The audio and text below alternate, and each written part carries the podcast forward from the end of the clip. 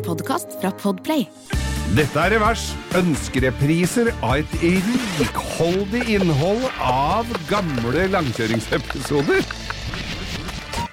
Folk etterlyser jo røverhistorier fra verkstedet mitt, og de er jo et utømmelig horn av, uh, av historier. Ja, Der går det ikke tomt. Det er jo verste på grense, i Grenseveien. Det- Hvem nummer hadde du? da? Fattern jobba i 65. 69. Ja, 65 var Brødrene Dal, der det er Ja, ja. Møller nå. Så der var det var, Jeg har jo vært innom deg en gang for 150 år siden. Da Du var der flere ganger, du. Ja, ja, ja. Og da restaurerte du trådbilen til Lars Lillo Stenberg. Ja, den, Som Austin A40. den fine trådbilen som først blei stjålet inne på verkstedet der, for det var noen som overtok verkstedet. Så ble bilen stjålet, så fant jeg den igjen. For jeg ante litt hvem som hadde stjålet den, så fant jeg den igjen. Og kjørte den opp i låven min på Nordstrand, Ja. som brant. Der også overlevde den, men ble stjålet på nytt.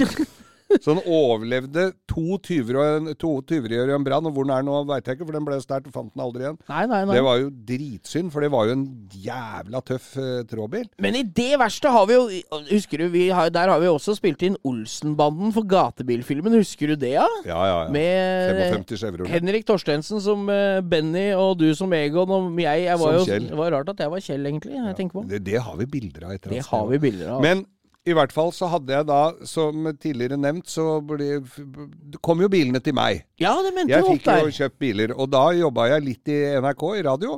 Der hadde jeg øh, øh, I den redaksjonen, eller i den staben der, da, så var filosofen Einar Øvrenga Han har vi hørt stadig vekk nå prater om hva som skjer med folk under pandemi og bla, bla, bla. Ja, ja, ja. Einar Øvrenga hadde da en BMW 525. Jeg lurer på om det kan ha vært en 90-modell. ja, da var det en E34. E34. Ja. Manuelt gir, og egentlig litt kul bil. Eh, Napper jo i isbilfoten min med en gang du nevner det her, da. Ja, det 525 med sekser og manuell girkasse. Det er jo hønsetenner. Det er jo umulig å få tak i noe sånt Ja, som det nå om dagen. Den kunne du ha fått tak i da. Hadde Ja. det ikke vært for den endte sine dager på en helt annen måte. Men i hvert fall, så Jeg brukte den jo, og så tenkte jeg at Og det var ikke så nøye med å vise ting og sånn, så blei det litt eh, slitent eksosanlegg på den. Så lagde jeg, fant jeg noe rør og noe ting og ei potte, så feis ikke det så jævlig lenger.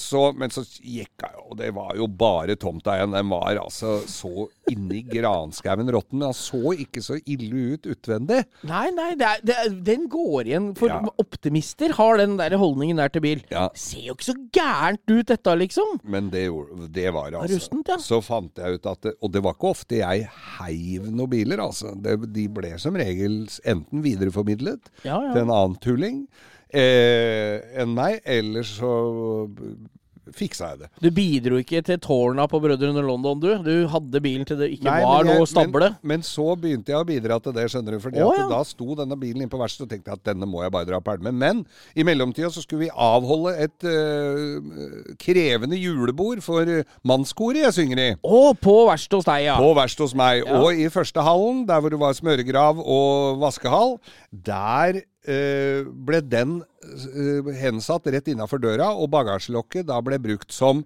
serveringssted for Four Drink.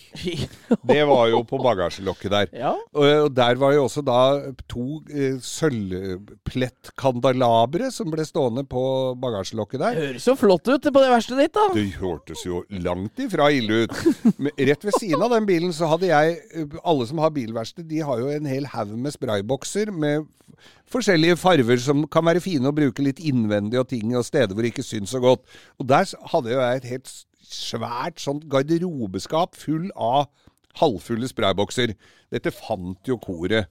Så da blei det jo mannskorlogo på, på, på bagasjelokket. Det var jo litt kult. Var det noen som spurte om det var kundebil før de gjorde det, eller? Nei. nei, nei, De antok at, eh, at det var eh, At det ikke var Ja, det veit jeg nesten ikke. Men så renner da den derre stearinen fra de kandalaberne, drypper jo ned på koffertlokket der. Og, og det, det, ja, det ser jo det, det blir jo seende ut som litt guttelim, det må vi vel si! Var det så ut som at noen hadde sølt herrekesam på bagasjelokket? Og da var det jo ikke snauere enn at en var borte med sprayboksen og skrev 'mannskorsæd' og 'pil bort'. Til der hvor det hadde rent nedover bagasjelokket på den bilen. Selvfølgelig måtte noen i koret ditt skrive det! Selvfølgelig. Og så, måtte, og så ble den jo stående der, og mandagen kom. Det var jo ikke alltid det ble ry- rydda like flittig etter de festene. Vi tok det grøvste og tomflaskene og, og matsøppel og sånn, men den bilen ble jo stående igjen innpå der, da. Ja, ja. For den skulle jo da avhendes. Den Skulle dø. Den skulle dø, selv om han starta og gikk. Så eh, kommer da en kunde inn for å se for å, Egentlig for å Ja, skulle vel se åssen det gikk med bilen sin.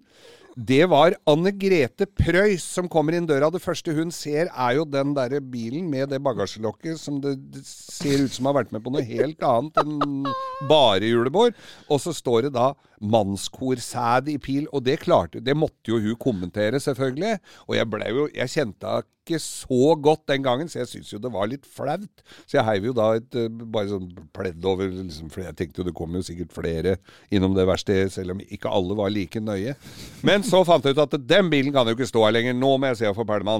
Og kjører opp da til Thomas London, som, eh, på Brødrene London, hvor han var jo leken. Så der Alle biler som virka, måtte jo grisekjøres der, hvis, eh, Ja, med der oppe før, eh, før det gikk i i pressa.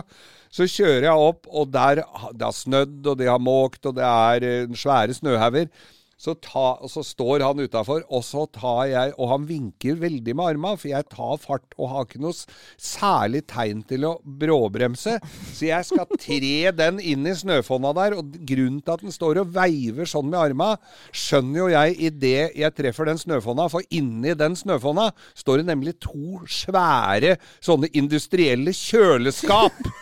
Som jeg måka den BMW-en inni, så glasset spruta, og kjøleskapet bretta seg over fronten. Så han fikk kjølevæske og oljesøl der han ikke skulle ha det, han da. Den siste oljesøl fikk han ja, Ja, ja, der oppe. Så, sånn, sånn gikk det med den BMW-en 90-modellen. Bare et lite spørsmål. Det verste var det eh, mannskorsæd på samme julebordet som dere leide inn de aller, aller yngste sølvguttene til å synge, eller? Nei, det var da vi kjørte pornofilm på fra 1930 på veggen.